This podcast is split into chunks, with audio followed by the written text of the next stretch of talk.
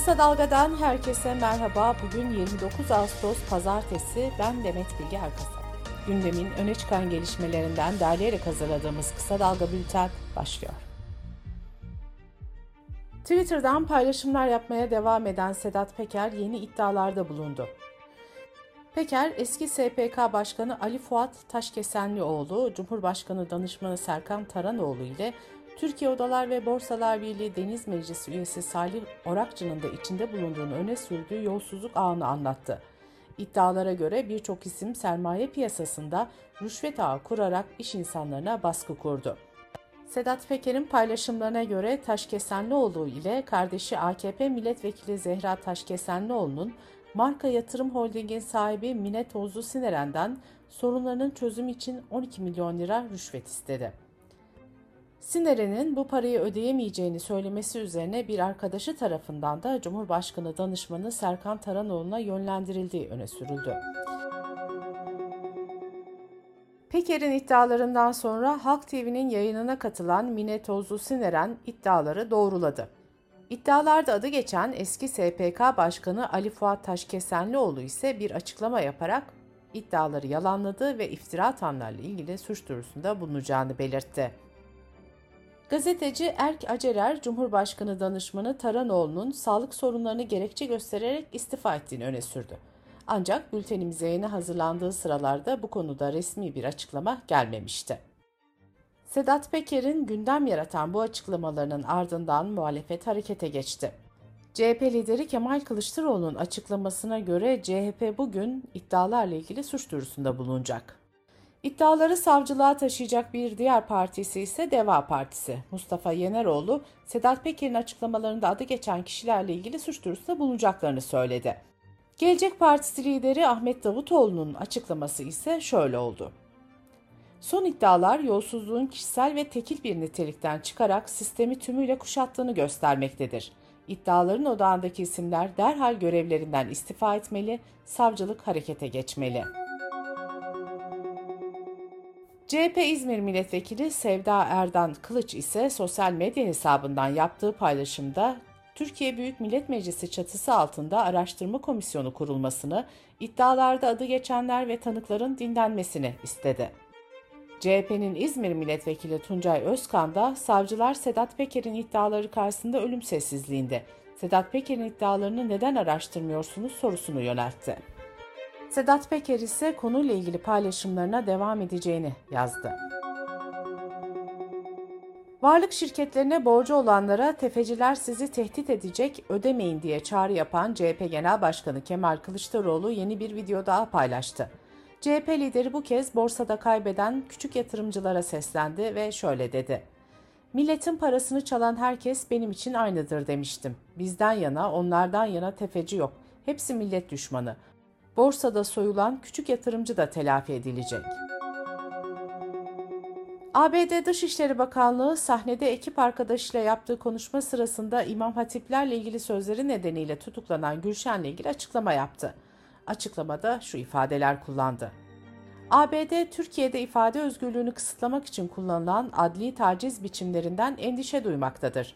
Türkiye'yi ifade özgürlüğüne saygı duymaya ve güvence altına almaya çağırıyoruz. Gülşen'in tutuklanmasına yönelik tepkiler sürerken Aleyna Tilki de hedef oldu. Diyanet Sen Çorum Şube Başkanı İsmail Şanal, Osmancık Belediyesi tarafından düzenlenecek festivalde sahne alacak olan Aleyna Tilki'yi hedef alarak konserinin iptal edilmesini istedi. ABD'nin Utah eyaletinde tutuklu olarak yargılanan Sezgin Baran Korkmaz davasında savcılık elde ettikleri deliller için gizlilik kararı alınmasını talep etti Mahkemede bu talebi kabul etti. Mali Suçları Araştırma Kurulu, Türkiye'de yaklaşık 29 milyon kullanıcısı olan TikTok'ta suç gelirlerinin aklandığına ilişkin iddialar üzerine inceleme başlattı. Geçen yılın başından bu yana Türkiye'de de kullanılan TikTok'ta yerli ve yabancılara yaklaşık 1,5 milyar lira aktarıldığı, bazı hesapların bu platformu para aklama ya da terörün finansmanı için kullandığı iddia edildi. Türkiye genelinde 253 sivil toplum örgütü Merkez Av Komisyonu'nun 29 kuş ve 5 memeli yaban hayvanının avlanmasına izin vermesiyle ilgili Vurma Beni sloganıyla imza kampanyası başlattı. Kampanyaya destek verenlerin sayısı 120 bini aştı. Kısa Dalga Bülten'de sırada ekonomi haberleri var. Türkiye İstatistik Kurumu'nun açıkladığı verilerin tartışmalı hale gelmesi nedeniyle bağımsız araştırmacılar tarafından kurulan enflasyon araştırma grubuna vergi denetimi başlatıldığı belirtildi. ENAK yöneticisi Veysel Ulusoy 6 lira geliri beyan etmediği gerekçesiyle vergi denetimi başlatıldığını duyurdu. 2022-2023 eğitim ve öğretim yılı 12 Eylül tarihinde başlayacak. Veliler yavaş yavaş okul alışverişine başlarken kırtasiye fiyatları şimdiden iki katına çıkmış durumda. Adana'da kırtasiyecilik yapan Yunus Uludağ okul malzemelerinin güncel fiyatlarını şöyle açıkladı. Defter geçen sene 15 liraydı, bu sene 30 lira oldu. Geçen sene 12 liradan satılan kalem bu yıl 34 liraya yükseldi. Kalem açacağının fiyatı da 5 liradan 15 liraya sıçradı.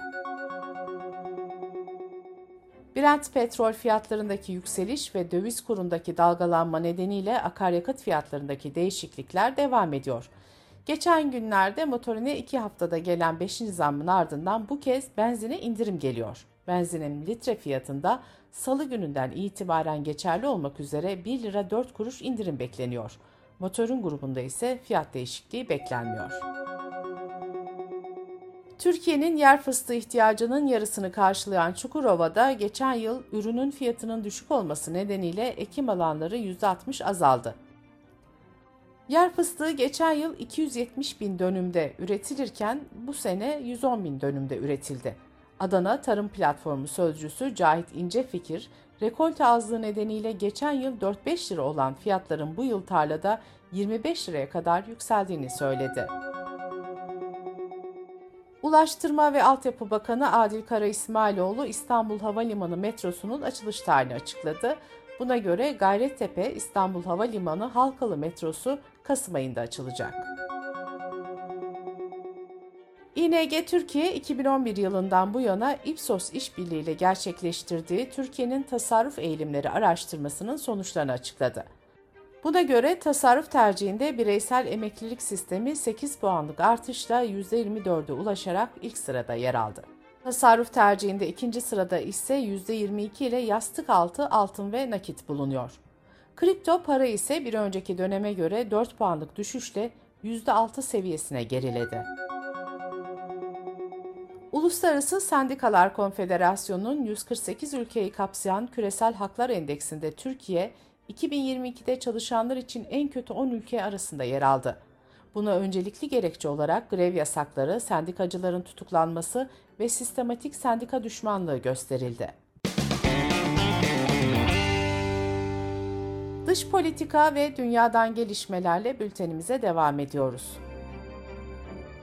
Hollanda hükümeti aylardır süren mülteci kabul krizi nedeniyle ülkeye sığınmacı gelişinin sınırlanmasını kararlaştırdı.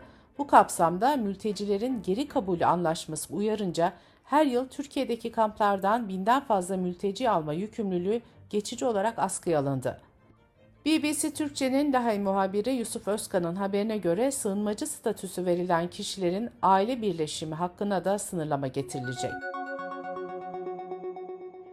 Ukrayna'daki savaş nedeniyle Rusya devletine ve devletle bağlantılı şahıslara bir dizim yaptırım uygulamaya başlayan Avrupa Birliği'nin bu kez Rus turistleri hedef alacağı öne sürüldü. İddiaya göre AB üyesi ülkelerin Dışişleri Bakanlarının bu hafta yapacağı gayri resmi toplantıda Moskova ile 2007'de yapılan vize kolaylığı anlaşmasının askıya alınması çağrısında bulunulacak. Üst düzey bir AB yetkilisi konuyla ilgili şunları söyledi. Rus turistlerin bizim kentlerimizde, bizim marinalarımızda dolaşması uygun değil. Rus halkına bu savaşın onaylanmadığına, kabul edilebilir olmadığına dair bir sinyal göndermemiz gerekiyor. ABD Deniz Kuvvetleri iki Amerikan savaş gemisinin Tayvan Boğazı'ndan geçiş yaptığını açıkladı. Bu ay başında ABD Temsilciler Meclisi Başkanı Pelosi'nin Tayvan'ı ziyareti nedeniyle Çin'le gerilim artmıştı. Çin bu ziyarete bölgede büyük bir askeri tatbikatla yanıt vermişti. Bu arada Tayvan Savunma Bakanlığı geminin geçişiyle ilgili durumun normal olduğunu duyurdu. Rusya-Ukrayna savaşı 6. ayında devam ederken enerji piyasaları da dalgalanmaya devam ediyor. İngiltere Başbakanı Boris Johnson ülkesini kış için yüksek elektrik faturalarına hazırlıklı olmaya çağırdı. Johnson şu ifadeleri kullandı. Önümüzdeki aylar zor olacak, muhtemelen çok zor olacak. Elektrik faturalarımız ürkütücü olacak. Çoğumuz için evlerimizi ısıtmanın maliyeti şimdiden göz korkutucu. Pakistan'da Haziran ayından bu yana devam eden muson yağmurlarının yol açtığı sel ve taşkınlarda hayatını kaybedenlerin sayısı bini aştı. Ulusal Afet Yönetim Kurumu'nun dün yaptığı açıklamaya göre sadece 24 saat içinde 119 kişi yaşamını yitirdi. Pakistan hükümeti Haziran ayının ortasından beri devam eden şiddetli yağışlar nedeniyle geçen hafta ülkede olağanüstü hal ilan etmişti. Schengen vizesindeki başvurularda ret oranları yükselirken Deutsche Welle, Almanya Dışişleri'ne 2014 yılından bu yana Türkiye'den yapılan vize başvurularını sordu. Buna göre 2014 yılında başvuruların sadece 5.9'u reddedilirken bu yılın ilk yarısında bu oran %20.7'yi buldu. Sırbistan ve Kosova yaşanan gerilimin ardından karşılıklı olarak vatandaşlarının serbest seyahati konusunda uzlaşma sağladı. Kosova 2008 yılında Sırbistan'dan bağımsızlığını ilan etmiş olmasına rağmen Belgrad Kosova'yı bağımsız bir devlet olarak tanımıyor ve kendi toprağı olarak görüyor. Kosova hükümetinin Sırp kimliği ve otomobil plakası taşıyan kişilerin ülkeye girişine yeni düzenlemeler getirmesi nedeniyle geçen ay bölgede gerilim tırmanmıştı. Bültenimizi kısa dalgadan bir öneriyle bitiriyoruz. Haftanın bu ilk gününde Müftan Sağlam'ın küresel ve ulusal ekonomideki gelişmeleri anlattığı podcast'ini kısa dalga.net adresimizden ve podcast platformlarından dinleyebilirsiniz. Gözünüz kulağınız bizde olsun. Kısa Dalga Medya.